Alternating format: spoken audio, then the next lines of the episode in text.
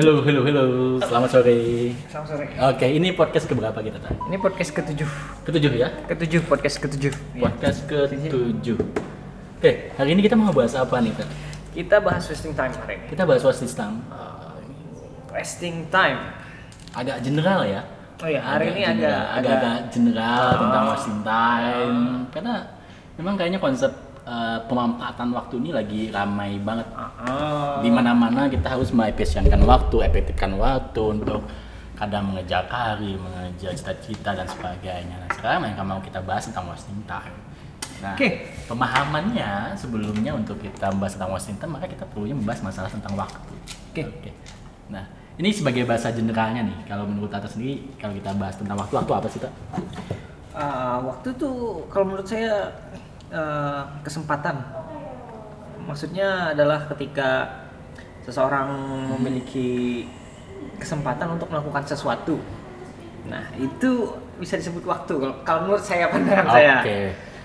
dan waktu itu semua orang sama punya punya punya kesempatan yang sama tinggal how to manage your opportunity and to do something better something like that so kalau Karim gimana Oke, kalau saya karena saya nggak ada pandangan tersendiri, tapi eh, coba kalau pengen eh, sedikit filosofi ya, ini Oke. kebetulan saya pernah mendengarkan youtuber, saya bilang youtuber ini beliau. Oke. Beliau adalah eh, Fahudin Faiz, eh, dokter filsafat, eh, sekarang ngajar di UIN. Di UIN Jakarta? Syarif saya, Hidayatullah ya? Dan Beliau pernah membahas tentang apa sih itu waktu gitu kan dalam bahasa filosofi beliau Ah. gitu kan dengan berbagai pendekatan juga. Nah, oke ada berbagai macam uh, bahasan. Yang pertama, waktu itu katanya dibagi menjadi dua. Yang pertama, yaitu yang pertama adalah waktu secara linear dan waktu secara sikuler. Ayo, oke mana tuh gimana tuh ya? Kita ini dulu nih. Nanti mungkin wasting time-nya bahasnya di belakangan oke ya. Tapi kita bahas waktu agak- dulu Waktu dulu. gitu. generalnya waktu Nah, orang modern katanya uh, itu beranggapan waktu itu linear.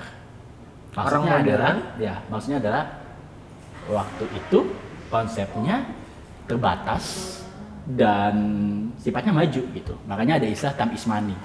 Itu waktu linear. Oke. waktu linear Anggapannya adalah bagaimana kita menghabiskan waktu secara berempat agar tidak kerugian. Sehingga orang modern itu sifatnya terburu-buru Mm-mm. cepat nih selesai Rush. rush dan sebagainya itu yang disebut dengan waktu secara linear nah sekarang poin kedua ada yang disebut dengan waktu secara sikuler waktu secara sikuler ini dia berputar balik. Jadi kuantitas bisa hilang. Kuantitas bisa hilang. Ya tapi kualitas tidak. Oke. Maksudnya adalah kalau yang uh, Pak Fahudin Faiz ini menyampaikan waktu konsep waktu berulang ini contoh nih ya. Uh, uh, dulu kan kita perang dunia nih ceritanya. Iya, perang dunia. tapi sadarkah Itu kita?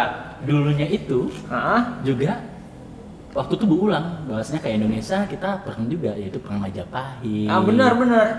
ya toh Benar. nah sekarang juga perang lagi jatuhnya itu perang apa perang secara media sosial Secara makanya disebut dengan dagang. waktu itu berulang Oh, paham. jadi kejadian-kejadian yang sama gitu. Tapi cuma kons- eh, konsepnya sama tapi kejadiannya yang cuma yang agak kejadiannya agak berbeda. Beda. di- tapi konsepnya Oh, sama. sama. Oke. Kalau konsepnya perang, ya perang. Iya, perang ya perang.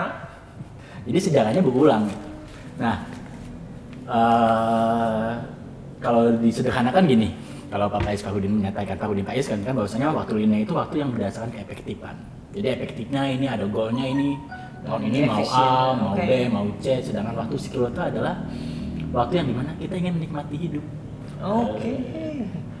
jadi apakah pilihannya yang mana? Apakah kita waktu yang linear atau waktu yang sikuler? Tergantung kamu kata Pak Fahudin Faiz. Kamu milihnya yang mana? Apakah saat ini kamu mau menyapai eh, mendapatkan sesuatu, maka gunakan waktu linear. Tapi apakah kamu saat ini mau sedang ingin menikmati hidup di, di mana tidak tertekan oleh apa pun itu, maka gunakan waktu sikuler kamu. Itu konsepnya, Kak. Waduh. Jadi ada waktu linear, ada waktu sikuler. Oke. Nah, kalau kita bahas tentang tadi menjatuhkannya ke poin wasting time, maka menurut saya sih yang tepat yaitu waktu linear. Artinya apa? Artinya kita tidak melihat segala sesuatu itu dengan konsep yang efektif. Oke.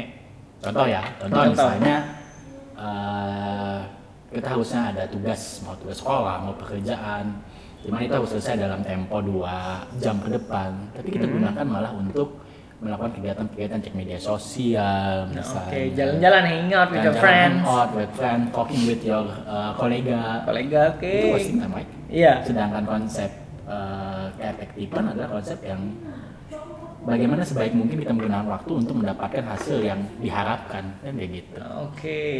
Yes, jadi efektif. Saya- Semoga saya tidak salah nih. Hmm. Ya, Jadi efektif itu berkaitan dengan waktu ya, kalau nggak Mhm. salah. Efisien itu berkaitan dengan orang atau Oke. atau kebendaan Oke. gitu. Itu lumayan berat juga pembahasan oh, time-nya juga terkadang. Tapi itu udah berat kan. Kalau kita melihat secara sederhana, waktu itu agak sa- simple, santai, ternyata rumit juga. Rumit. Makanya kita kita kan memikirkan bahwasanya ini umur berapa sudah ya. Oh benar benar. Dan terkadang ketika kita berbicara masalah waktu itu Ah. tidak hanya terbatas pada uh, you, uh, manusia itu hidup dan jalan, tapi Ya. ter- tapi ada batasan-batasan tertentu yang juga berkaitan dan bergesekan dengan misalnya norma, Ya. uh, mungkin culture. Ya. For example-nya aja gini. Ya? Uh, ketika seseorang sudah beranjak 20 tahun Hmm. dan dia melewati masa-masa quarter life crisis, Oke, seperti yang podcast minggu kita lalu. podcast lalu. ya. Itu kayaknya ada sesuatu yang berkaitan dengan waktu. Maksudnya kayak seseorang tuh dipush sama orang-orang di sekitar mungkin ya, dari tempat atau segala macam.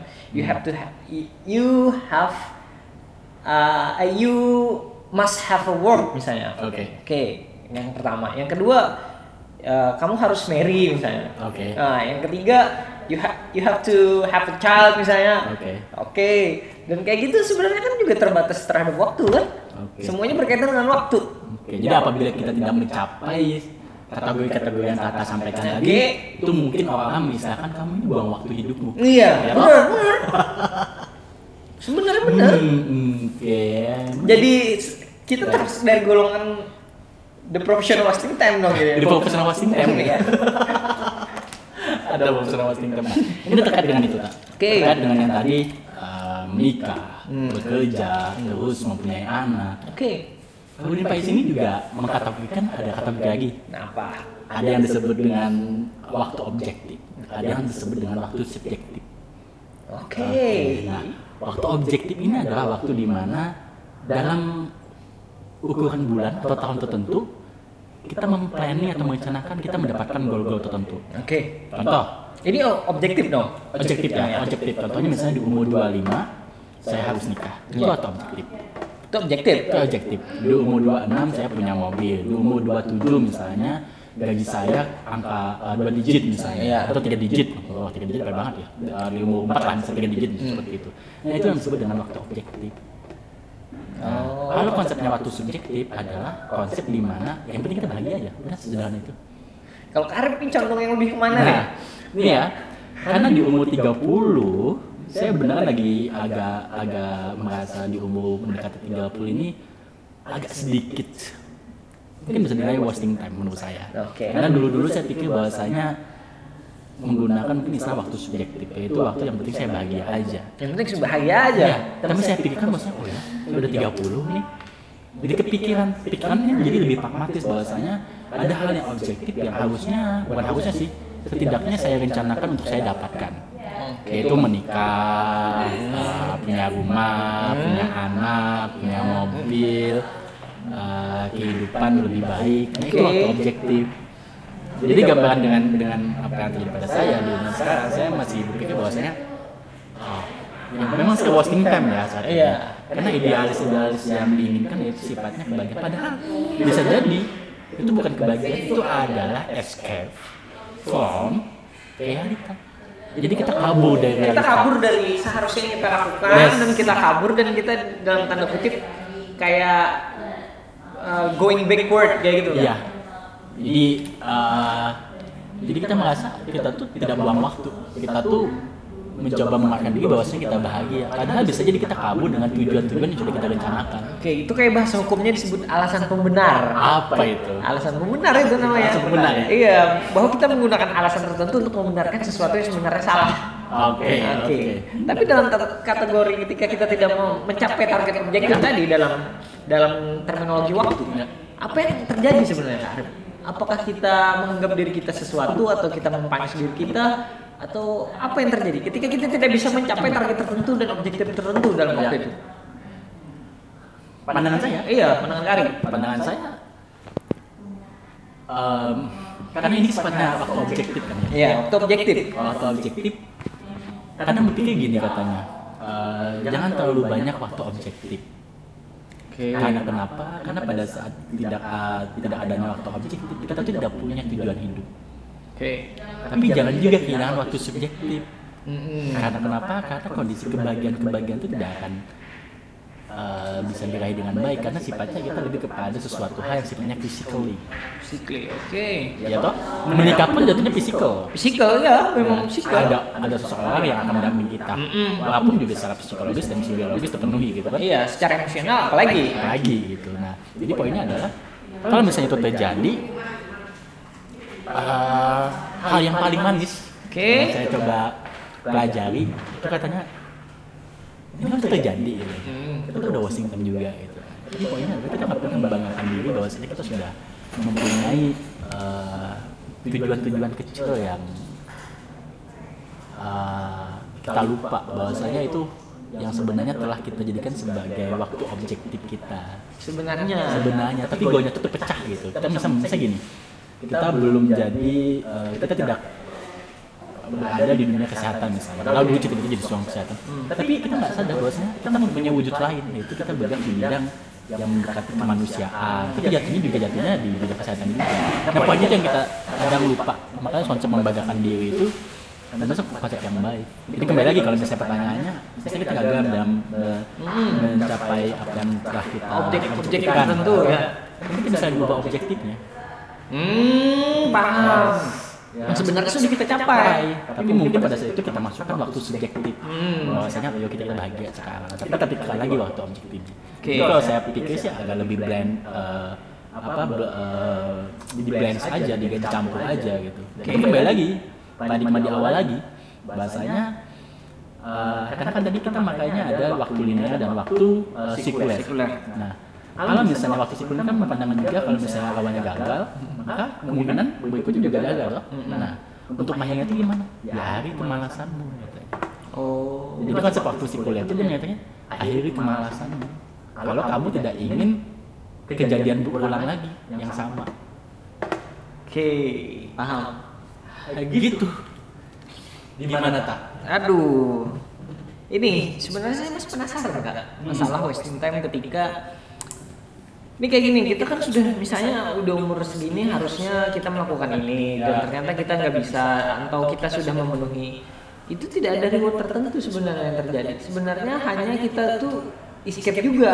kalau pandangan saya escape juga dari semua dari misalnya kayak pukulan secara verbal. maksudnya pukulan secara verbal itu misalnya orang-orang di sekitar kita yang menyuruh kita "Eh, you have to do something like this.